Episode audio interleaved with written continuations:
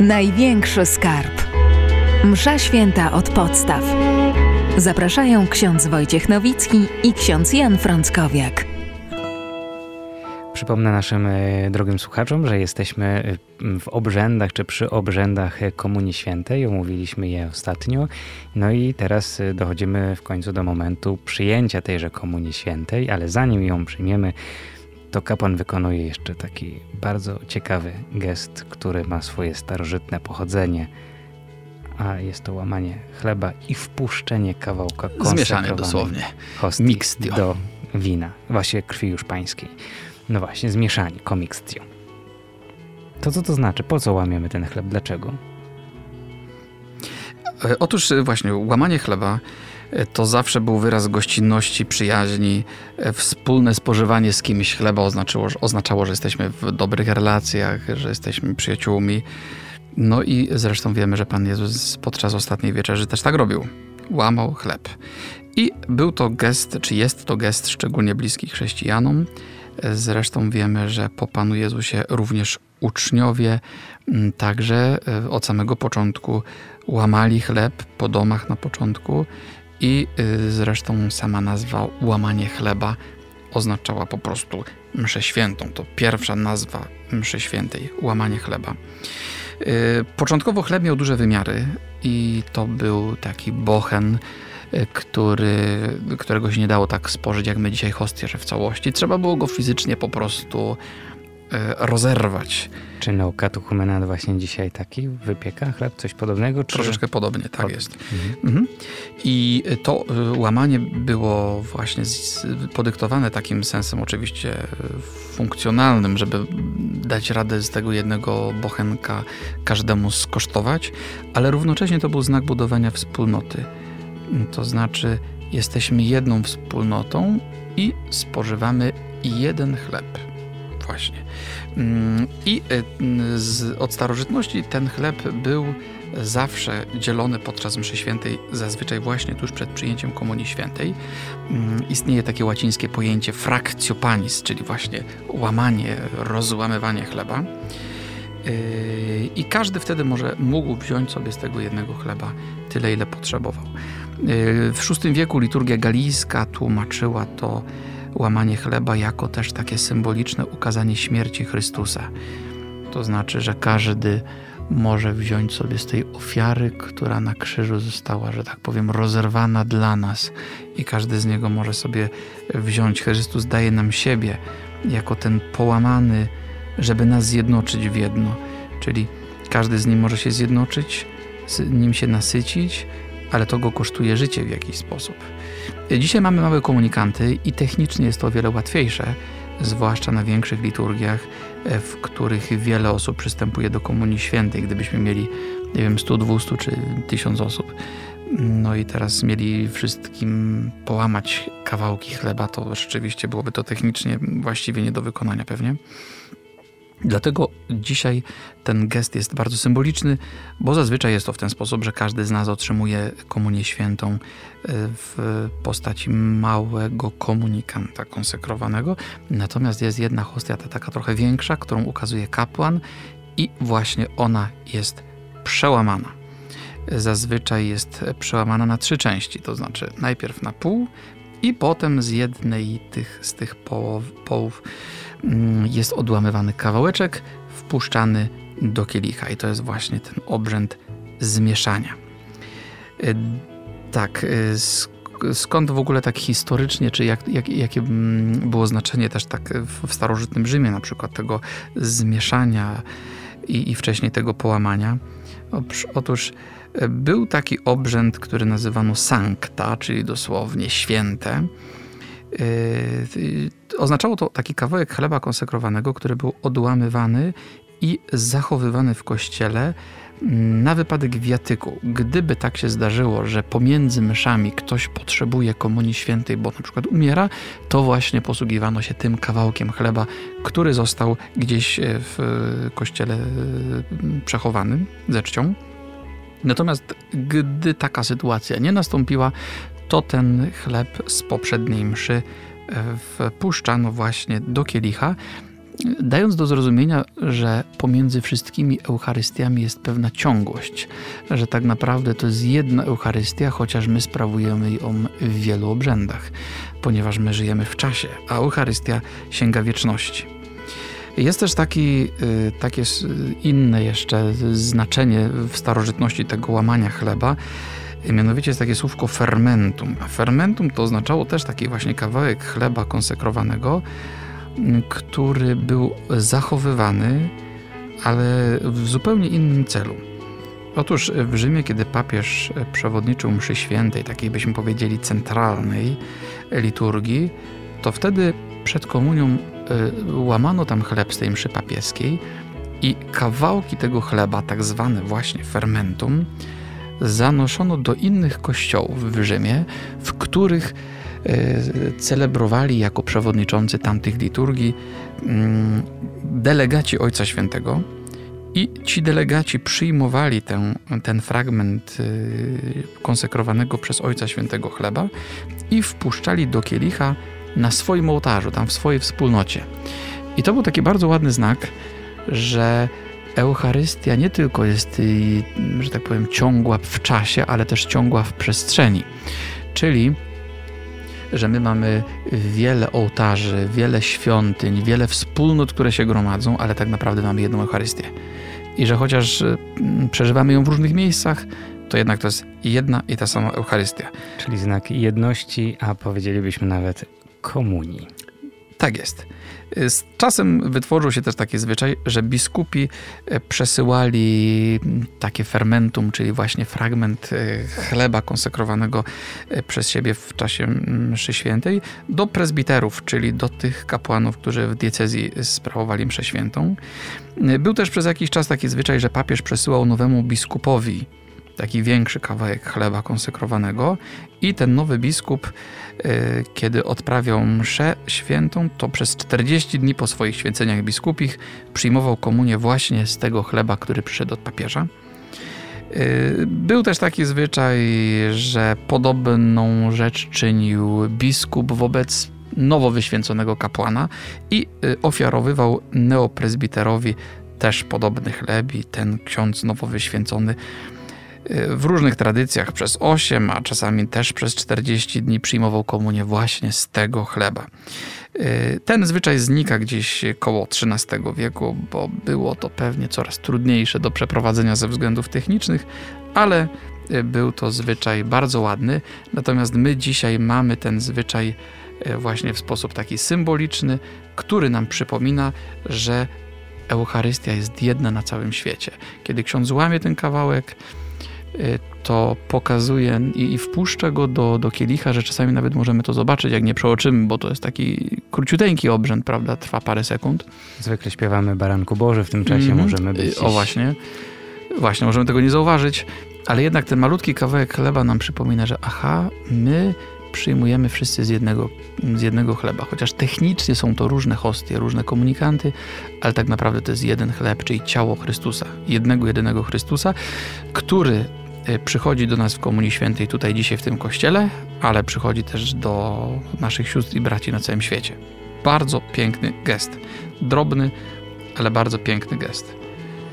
Tak, i oczywiście jest też jeszcze takie jedno znaczenie, myślę, że też niezwykle piękne, y, przypominające nam, że w czasie mszy świętej my przeżywamy najświętszą ofiarę, czyli przeżywamy to, e, czego dokonał Chrystus na krzyżu i co znalazło swoje wypełnienie, zwieńczenie w zmartwychwstaniu. E, bo proszę zobaczyć, że kiedy dokonuje się konsekracja, to ksiądz najpierw w swoje ręce bierze chleb i następuje konsekracja chleba, który staje się ciałem pańskim, a potem konsekracja wina, które staje się krwią pańską. I teraz w takim myśleniu semickim, e, to kiedy ciało jest oddzielone od krwi, albo może bardziej kiedy krew jest oddzielona od, od ciała, to symbolicznie oznacza to śmierć. Właśnie jeżeli, dlatego że, że Semici wyobrażali sobie, że życie, czyli dusza, przebywa w krwi. I teraz, jeżeli upuszcza się z kogoś krew, to ulatuje z niego życie. W związku z tym, jakby wypływa z niego dusza i ten człowiek jest martwy. I to, że podczas mszy świętej mamy osobno chleb, osobno wino, czyli osobno ciało, osobno krew pańska, to w takim języku symbolicznym odnosi nas to do śmierci Chrystusa. Natomiast ten moment, kiedy jest złączenie ponowne, czyli kiedy ten, ta cząstka chleba wpada do kielicha z krwią pańską, to to nam pokazuje, że my w Eucharystii celebrujemy nie tylko śmierć pańską, ale również zmartwychwstanie. Ciało i krew są znowu razem, to znaczy Chrystus żyje i my go tu w Komunii Świętej właśnie spotykamy, przeżywamy, doświadczamy. Wspomniałem, że towarzyszy temu gestowi śpiew Baranku Boży, to powiedzmy krótko, chociaż y, że jest właśnie pochodzenia też równie starego jak sam gest łamania chleba. Mm, no właśnie, to jest y, gest, to są słowa, które spotykamy w Piśmie Świętym. Y, właściwie moglibyśmy wskazać na takie dwa momenty. Otóż kiedy święty Jan Chrzciciel wskazuje na Pana Jezusa, u początku jego działalności publicznej, to mówi: Oto baranek Boży. Ksiądz podnosząc e, hostię, mówi to samo: Zobaczcie, oto baranek Boży. To jest ten sam Chrystus, którego wskazał Jan Chrzciciel. Ale równocześnie jesteśmy zaproszeni na ucztę tego baranka. I ta uczta baranka jest opisana w Apokalipsie. Apokalipsa pokazuje nam właśnie baranka, czyli Chrystusa, który jest zwycięzcą i który jako zwycięzca zaprasza nas do niebieskiego Jeruzalem na ucztę w niebie. I y, też y, te słowa o baranku, do którego śpiewamy, baranko Boże, który gładzisz grzechy świata, y, zmiłuj się nad nami ponownie, obdarz nas pokojem, wraca temat pokoju, a równocześnie słyszymy oto baranek Boży, który gładzi grzechy świata i błogosławieni jesteśmy, bo zostaliśmy zaproszeni na Jego ucztę to nas odsyła właśnie do Chrystusa, który tu jest i który nas będzie karmił swoim, swoim ciałem i krwią, ale równocześnie do Chrystusa, który daje nam siebie jako pokarm, żebyśmy wreszcie doszli do niebieskiego Jeruzalem, tam gdzie On jako baranek Boży, jako zwycięzca chce nas zaprosić do swojego wiecznego stołu. To powiedzmy zatem o przyjęciu już wreszcie Komunii Świętej, czyli przyjęciu Najświętszego Ciała Y, pańskiego. Może trochę o tym, jakie właściwie przyjmujemy wówczas postawy i w jaki sposób tę komunię można przyjąć. Y, no bo można przyjąć właściwie w różny sposób. Ważne, żeby mm. godnie. No, bardzo ważne, żebyśmy to robili pobożnie, oczywiście, ze świadomością tego, że my nie przyjmujemy chleba, tylko przyjmujemy samego Chrystusa, który jest Synem Bożym, jest człowiekiem, jest naszym Zbawicielem. Zaczynamy wszystko od pozycji klęczącej, to znaczy, kiedy ksiądz ukazuje najświętsze postaci i mówi oto baranek Boży, to wtedy powinniśmy klęczeć. To jest wyznanie naszej wiary, że my klęczymy, zobaczmy, przed chlebem. Normalnie przed chlebem się nie klęczy. Dlaczego? Bo chleb jest chlebem, jest jakby w hierarchii bytów zdecydowanie niżej nas. Przed chlebem się nie klęczy, ale przed barankiem Bożym, który gładzi grzech świata, jak najbardziej bo to jest Chrystus. I to, że klęczymy, jest wyznaniem naszej wiary. Klęczę, bo to nie jest coś, bo to jest ktoś. I to jeszcze właśnie ten ktoś. I ksiądz pokazuje nam e, ten, ten złamany chleb, tę przełamaną hostię, tego baranka Bożego, którego kości nie zostały złamane, a który równocześnie jako chleb daje nam się połamać. Ukazuje się naszym oczom, żeby pomóc nam w zmaganiach z grzechami. Y, ale potem, kiedy przyjmujemy Komunię Świętą, to mm, właśnie najpierw y, tworzymy procesję. Tworzymy procesję i procesja jest znakiem naszej wędrówki przez ziemię. Nam się często wydaje, że my no, idziemy procesyjnie do Komunii Świętej, no bo jakoś technicznie nam trzeba podejść do tego ołtarza, prawda? Jak najbardziej, to jest racja. Ale ta procesja też ma, sym, ma symbolikę.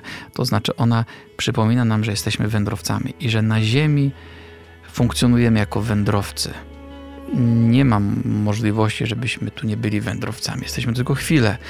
I jako wędrowcy pokrzepiamy się ciałem Chrystusa. Y, do Niego przychodzimy po to, żeby sobie dać radę w tej wędrówce. I potem Yy, możemy, w zależności od tego, jak jest przyjęte w danym, w danym miejscu, w danej parafii, komunię świętą albo przyjmujemy naklęcząco przy progu komunijnym, w niektórych parafiach, zwłaszcza tych, które mają starsze kościoły i są tak zwane balaski, mm, te balaski też miały znaczenie symboliczne, ponieważ one często dawniej, gdzie niegdzie jeszcze, miały taki biały obrus. i ministrant przed komunią ten obrus tak odkrywał, żeby on był widoczny. No i to uklęknięcie u balasek przy obrusie było symbolem przystępowania do stołu. Oczywiście stół, do którego przystępujemy, no to nie jest klęcznik tutaj w postaci balaski, tylko faktycznie chodzi o ołtarz. Ale ta balaska była takim symbolem, którego można było dotknąć, nawet na którym można było się oprzeć, czy dzisiaj też właśnie można. Tak, a gdzie nie gdzie, zwłaszcza po Soborze, po pewnie w wielu miejscach upowszechnił się ten zwyczaj y, przyjmowania Komunii Świętej, w, jak tu niektórzy mówią na stojąco, ale ja nie lubię tego określenia, bo tak naprawdę właśnie nie przyjmujemy na stojąco, tylko na procesyjnie.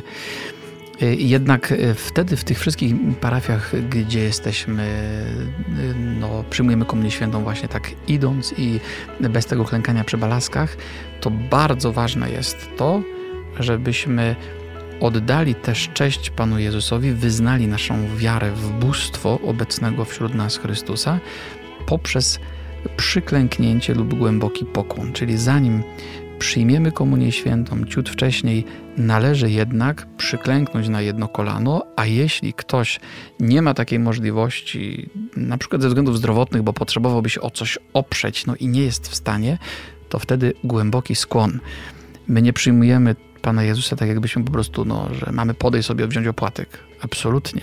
My przyjmujemy Go osobiście do serca i ta nasza postawa nie jest obojętna. Wyznajemy naszą wiarę. Natomiast mm, myślę, że bardzo ważne jest tutaj zachowanie też pewnego takiego pokoju i uszanowanie zwyczaju, który w danej parafii mm, funkcjonuje. Bo czasami tak jest, że ktoś Y, przychodzi do parafii i jest przyjęte, że na przykład klękamy przy balaskach, albo że właśnie tworzymy procesję i oddajemy cześć Panu Jezusowi i potem już przyjmujemy w pozycji stojącej, ale ktoś mówi, że on uważa inaczej. To niech swoje to, co uważa, oczywiście zachowa dla siebie. Y, wprowadzenie do mszału rzymskiego mówi, że gesty w czasie liturgii nie służą wyrażeniu prywatnych odczuć i przekonań, ale mają pomóc nam wspólnotowo przeżyć Eucharystię. Oczywiście, jeżeli ktoś, na przykład kiedy ja rozdaję komunię świętą i ktoś, wszyscy przystępują ładnie procesyjnie i nagle ktoś się wyłamuje, bo tak e, z jakichś powodów e, twierdzi, że powinien teraz uklęknąć sobie właśnie obok, no pominąwszy wszystkie niedogodności praktyczne, że jest to technicznie czasami troszeczkę uciążliwe, to ja oczywiście podchodzę do tego z szacunkiem, bo nie wiem, co się w sercu tej osoby dzieje i mm, być może z jakichś powodów jest to dla tej osoby bardzo ważne i trzeba to szanować. Natomiast zawsze trzeba zastanowić się, czy za tym gdzieś nie stoi też jakiś taki ślad pychy, że ja teraz pokażę, że jestem lepszy, bo ja tak, tak lepiej przyjmuję komunię świętą. Nie ma lepiej, y, dlatego że można przyjąć w sposób zewnętrzny komunię świętą bardzo pobożnie, ale w sercu mieć właśnie na przykład jakąś obrzydliwą pychę Y, I to jest bardzo ważne. A można przyjąć komunię świętą właśnie w jakiś sposób taki, który no jest właśnie na przykład taką procesją, a równocześnie mieć serce bardzo skruszone i bardzo pokorne i pobożne. Więc y, zwłaszcza w takich czasach epidemicznych, kiedy różnie to bywało i bywa, i, i też jest y, i komunia święta, i do ust, i na rękę, to trzeba zachować bardzo duży pokój serca, wrażliwość, czy uszanować wrażliwość każdego, kto do Komunii Świętej przystępuje, ale niezależnie od tego, jak to technicznie robimy, wykonywać to z wielką pobożnością. To jest naprawdę ważna rzecz. Być bardzo pobożnym, kiedy przyjmiemy Komunię Świętą. Czy ksiądz y, może odmówić udzielania Komunii Świętej? Właściwie są takie sytuacje, czy są. Są takie sytuacje, kiedy mógłby, ale zasada jest taka, że mm, powód, dla którego ksiądz mógłby odmówić Komunii Świętej, musi być zewnętrznie widzialny. Czyli na przykład, gdybyśmy sobie wyobrazili taką sytuację, że ktoś jest y, na przykład y, w stanie nietrzeźwym przyszedł do kościoła i widać, że jest w takim stanie, i ksiądz obawia się, czy ta osoba na przykład jest tak do końca świadoma tego, co robi, albo czy jest odpowiednio dysponowana duchowo, bo no właśnie jak jest ktoś nietrzeźwy, to raczej trudno powiedzieć, żeby teraz był dobrze usposobiony do przyjęcia Komunii Świętej, to na podstawie pewnych zewnętrznych y, znaków mógłby odmówić Komunii Świętej. No czasami mogłaby być też jakaś taka sytuacja, że ktoś, kto jest jakimś takim jakby to powiedzieć, osobą publicznie promującą jakąś niemoralność albo publiczną osobą, która wypowiada się przeciwko nauce moralnej Kościoła i lekceważącej sobie zasady y, wiary, no i ta osoba znana lokalnej społeczności, wszyscy ją znają, wiedzą kim jest, znają jej poglądy i ona teraz publicznie przystępuje do Komunii Świętej. W takiej sytuacji też y, można by było odmówić y, Komunii Świętej. Oczywiście trzeba bardzo mądrze, roztropnie taką decyzję podejmować. Natomiast y, nie należy odmawiać Komunii Świętej, jeżeli jakby powód y, tego odmówienia nie jest widoczny. To znaczy, że na przykład ksiądz no, zna tamtego człowieka i, i, wie, co to za jeden i na przykład, że nie powinien iść do Komunii Świętej, bo najpierw musi coś z sobą zrobić, na przykład życiowo, ale nie widać tego na zewnątrz i, i parafianie no, nie mają takiej świadomości też, to wtedy ksiądz nie powinien odmówić tej Komunii Świętej, szanując też taką intymność tego człowieka, który ma prawo do tego, aby y, gdzieś jakieś jego trudności, czy jakieś wewnętrzne takie sprawy nie zostały gdzieś y, w jakiś sposób, y, nie stały się tematem rozmów innych na przykład, albo myśli nawet. Wówczas to ten człowiek bierze na siebie odpowiedzialność. Tak jest. Mm, to wróćmy jeszcze na momencik do tej formy, która no, wywołuje pewnie wśród niektórych jednak taką, taką, taką dużą jakby to powiedzieć, niepokój, o może, czyli przyjmowanie komunii na dłoni. Y, bo mhm. to tak, wiemy, że historycznie było tak najpierw, potem Kościół przeszedł do formy właśnie takiej podawania komunii do ust. Wiemy też, że udzielano w starożytności również pod y, obiema postaciami, czy również krwi pańskiej. Potem też y, jakby Kościół poszedł tylko w stronę chleba eucharystycznego, gdzie przyjmując ciało pańskie przyjmujemy zarówno ciało, jak i krew pańską. No a teraz jakby te możliwości jakby na powrót wróciły, ale w jakimś sposób jednak, no trzeba to powiedzieć otwarcie, dzielą nas. Właśnie ten sposób przyjmowania dzieli nas. Ja myślę, że dzieli niektóre osoby. Dlatego, że, y, no nie wiem, takie moje doświadczenie jest, kiedy rozdaję komunię świętą, że znaczna część osób zachowuje tego taki duży spokój. Tak, że po prostu przyjmują tak, jak, nie wiem, albo jest to możliwe technicznie w danym miejscu, albo y, tak, jak gdzieś im tam sumienie dyktuje, y, natomiast nie tworzą wokół tego, nie generują jakichś niepotrzebnych napięć i myślę, że to jest bardzo dobra postawa, że trzeba zachować spokój. Oczywiście, kiedy popatrzymy na starożytność, to w początkach, kiedy właśnie był ten jeden bochenek chleba, y, był połamany, rozdarty, to każdy dostawał tę cząstkę no nie do ust, tylko na rękę. Y, już jednak ojcowie Kościoła w starożytności, czy na przykład święty Hieronim, y, to jesteśmy właśnie w przełom IV-V wieku, czy nawet już wcześniejszy starożytny pisarz y, Orygenes umiera w połowie III wieku.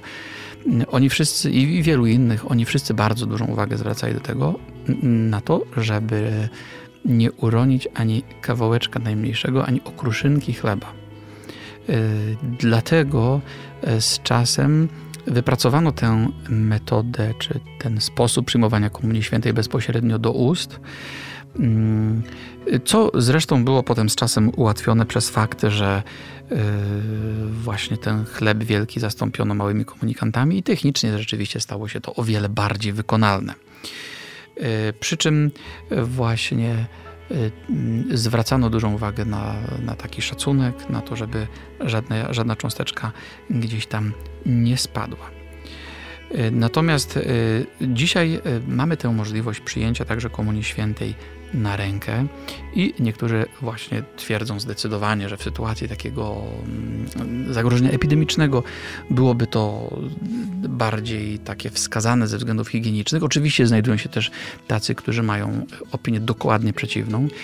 I dlatego y, księża biskupi zazwyczaj podejmowali taką decyzję, że uprawnione w tym czasie były, są obydwa sposoby przyjmowania Komunii Świętej Przy czym y, jakby należy uszanować właśnie tę wrażliwość, że z jednej strony jest wrażliwość duchowa, czyli taka wrażliwość, która pokazuje, czy która troszczy się o to, żeby rzeczywiście nie uronić żadnej cząstki i żeby zrobić to jak najgodniej duchowo, pokazując czy wyrażając wiarę w bóstwo Chrystusa i w to, kogo ja przyjmuję.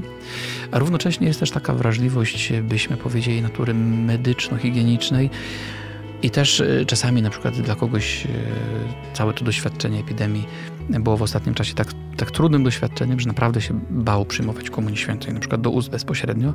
I dlatego trzeba podchodzić do tego z taką dużą delikatnością i w właściwie wielu parafiach tam, gdzie zwłaszcza było to w jakiś sposób potrzebne, to były i są te dwa sposoby przyjmowania Komunii Świętej i mm, oczywiście na przykład w takich mniejszych społecznościach czasami, gdzie wszyscy się znają i dokładnie wiedzą, jak to przyjmuje, to aż nie ma takiej potrzeby y, zwracania na to, na to tak aż wielkiej uwagi. Natomiast no, no, dajemy taką możliwość i pewnie byłoby to, było to ważne w ostatnim czasie. Natomiast mm, niektórzy mają też taki argument, że no, usta mm, są godniejsze, czy jakby to powiedzieć, no, że przyjmuję komunię, komunię świętą ustami bezpośrednio i to jest jedyny pokarm, który w ten sposób przyjmujemy. Właściwie y, inny mm, innym pokarmem to było tylko wtedy, kiedy byliśmy mali i byliśmy karmieni przez y, mamę czy przez naszych rodziców, to też nam wkładali pokarm do ust. I zresztą ojcowie Kościoła już w starożytności zwracali uwagę na, tą, na tę piękną symbolikę, że właśnie kiedy przystępuję do komunii i pozwalam, żeby mi jako dorosłemu człowiekowi ktoś wkładał pokarm do ust, to w ten sposób wyznaję prawdę w to, że jestem dzieckiem Bożym i że to sam Bóg mnie karmi najświętszym pokarmem. Bardzo myślę taki, bardzo piękna sprawa. Y, natomiast niektórzy mówią, no dobrze, ale czy w takim razie na przykład ręce są mniej godne niż usta? Y, no pewnie nie, tym bardziej, że czasami ustami bardziej grzeszymy niż yy, Chyba święty Jakub by się tu z nami zgodził. Myślę, że tak. Yy, więc ja myślę, że nie chodzi o licytację właśnie, która część jest godniejsza, która niegodniejsza. Natomiast y, z pewnością, patrząc tak perspektywicznie i mm, odnosząc się do doświadczeń wspólnot y, Kościoła na Zachodzie, to widzimy, że sposób przyjmowania komunii czy wykonywania pewnych gestów on też przekazuje wiarę. To znaczy, my wiarę przekazujemy nie tylko słowem, ale przekazujemy też gestami. Czyli wszystkie nasze przyklęknięcia i także to przyjmowanie komunii świętej do ust, no są takimi gestami, które pomagają nam tę wiarę jakoś tak intensywniej przeżywać. I mm, że część wspólnot, która, które gdzieś zrezygnowały z niektórych gestów, to równocześnie niepostrzeżenie im ta wiara się rozmyła i dlatego pewnie warto bardzo pilnować dbałości o wszystkie najdrobniejsze gesty, o taki szacunek do tych gestów, y, bo przez nie wyrażamy coś większego i równocześnie przez nie buduje się nasza wiara. Ale zasadniczo w sytuacji właśnie tych takich napięć troszeczkę epidemicznych warto zachować spokój, warto zachować pobożność i warto nie oceniać innych tych różnych sposobach, e, niezależnie od tego, czy na, e, na stojący, czy procesyjnie, czy przy balaskach, czy do ust, czy do rąk, czy na ręce. Jedno nam ma tu wspólny mianownik. Komunia jest udzielana, to znaczy e, my ją mhm. otrzymujemy, nie, nie bierzemy je sami. Tak jest. Tak, to jest bardzo ważne też, że komunia święta jest darem. My jesteśmy przyjmującymi, a nie biorącymi sobie komunię. To też, jest, to też ma znaczenie. Jeśli chodzi o przyjmowanie Komunii Świętej, mm, to jest jeszcze coś takiego jak post eucharystyczny, który przynajmniej w tej chwili to jest godzinka przed samym przyjęciem e, Komunii Świętej. Właściwie jakie to ma znaczenie? E, od starożytności był taki zwyczaj, że Komunię Świętą przyjmowano przed jakimkolwiek posiłkiem. Tak mówi nam na przykład Tertulian, że była ante omnicibum, czyli przed jakimkolwiek jedzeniem. Czyli miał być to pierwszy posiłek. Pierwszy posiłek. Na znak szacunku, że jest to posiłek, który się różni od wszystkich innych, ponieważ wszystkie inne są nam dane po to, żebyśmy mogli karmić ciało, a ten y, prowadzi nas wieczność. Także jest to posiłek właśnie dotyczący wieczności, a nie tylko doczesności. Y, I z czasem mm, wytworzył się taki zwyczaj, że ten post eucharystyczny obowiązywał od północy, dlatego zazwyczaj msza święta była od rana i wszyscy, którzy przychodzili rano, no to od północy już nic nie jedli, mogli przyjąć komunię świętą i udać się na śniadanie. E, mm, święty, ojciec święty Pius XII w mm, latach 50. No, zdecydowanie złagodził ten wymóg, ograniczając post eucharystyczny do trzech godzin przed e, przyjęciem Komunii Świętej. Także stwierdził, że woda nie łamie postu. E, tak, natomiast potem jeszcze później w latach 60. Paweł VI ograniczył właściwie do takiej symbolicznej, mm, symbolicznego postu godzina przed przyjęciem Komunii Świętej. Tu warto wiedzieć, że to właśnie jest godzina przed przyjęciem Komunii Świętej, ale a nie przed y, rozpoczęciem mszy świętej, czyli faktycznie y, jest to zdecydowanie jeszcze mniej czasu. Natomiast jest to ważny symbol. Y, to, że nie jem przez godzinę przed y, mszą świętą, czy przed właśnie komunią świętą, y, przypomina mi, że zdarzy się coś bardzo ważnego, że ten posiłek wieczny, którym jest sam Pan. I równocześnie można pić wodę i przyjmować lekarstwa. Czyli jeżeli ktoś właśnie chciałby się napić koniecznie, no to może, ale wodę. Herbatkę już może niekoniecznie. Na tym polega pozeucharystyczny, właśnie szacunek dla Eucharystii w tym wyrażamy, a równocześnie nasze oczekiwanie na przyjście Pana, który zaprasza nas na ucztę. Y, no pewnie jeszcze y, może ktoś zapytać, a co z chorymi, na przykład leżącymi w domach? Jeżeli ktoś jest y, właśnie chory, czeka na księdza w domu, to już ta zasada nie obowiązuje, bo może się tak zdarzyć, że no nie wiemy, kiedy ten ksiądz przyjdzie, prawda? Czy przyjdzie o dziewiątej, czy o dziesiątej, jak ktoś tam czeka, może po jedenastej. No i i, i chory mówi, dobra, to zjemy coś i, i, zjadł. No i właśnie ksiądz przyszedł. W związku z tym wtedy nie trzeba, przyjąć, nie trzeba tego godzinnego postu zachować. Y, jak również ci, którzy tym chorym się opiekują, jeśli przyjmują komunię świętą, to też wtedy w takiej sytuacji byliby z tej zasady zwolnieni. No to jeszcze mamy do rozstrzygnięcia może jedną kwestię, e, czyli tego, mm, czy właściwie można przyjąć komunię świętą więcej niż jeden raz. No, ksiądz na przykład jak sprawuje dwie albo trzy msze, to nie ma opcji, musi je przyjąć. Ale czy jak wierny przyjdzie na mszę mhm. świętą, drugą lub trzecią? Może, e, czy nie może? Może. E, mianowicie jest zasada taka, że i możemy w ciągu jednego dnia, czyli jednej doby od 24 do 24, przyjąć komunię świętą maksymalnie dwa razy. Przy czym zasada jest taka, że pier za pierwszym razem możemy przyjąć komunię świętą w dowolnych okolicznościach, czyli może to być na przykład na mszy świętej, może to być w czasie jakiegoś nabożeństwa, może to być... Albo idę do pracy, wchodzę, akurat jest komunia no, właśnie, i tak, idę tak, przyjąć. Tak. Mhm, mhm. Natomiast y, zasada jest taka, że drugi raz to musi być już na mszy świętej i ten, kto przyjmuje komunię świętą drugi raz w ciągu tego samego dnia, to powinien to uczynić uczestnicząc w całej mszy świętej od początku do końca. Czyli jeżeli jestem, chciałbym drugi raz przyjąć, bo na przykład rano przechodziłem koło kościoła, była msza święta akurat i to przyjąłem komunię świętą i teraz wieczorem y, wybieram się do kościoła, jestem na mszy, no ale się spóźniłem, to już nie mogę.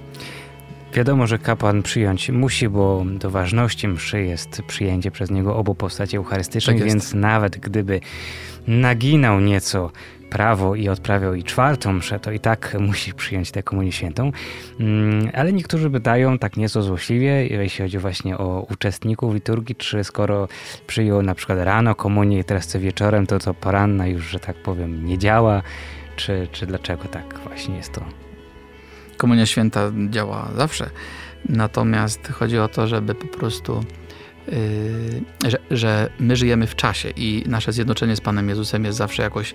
Yy, potrzebuje takich punktów, w których jest to bardzo intensywne i ten punkt sakramentalnego zjednoczenia yy, jest dla nas ważny. Dlatego oczywiście, że kiedy rano byliśmy na, na, przyjęliśmy komunię świętą, to Pan Jezus przychodzi do nas, ale On nigdy nie przychodzi w taki sposób, żeby nie mógł przyjść bardziej ksiądz Jan Frąckowiak, którego nie przedstawiłem na początku tej audycji, za co niezmiernie przepraszam, ale myślę, że wszyscy nasi słuchacze doskonale go znają.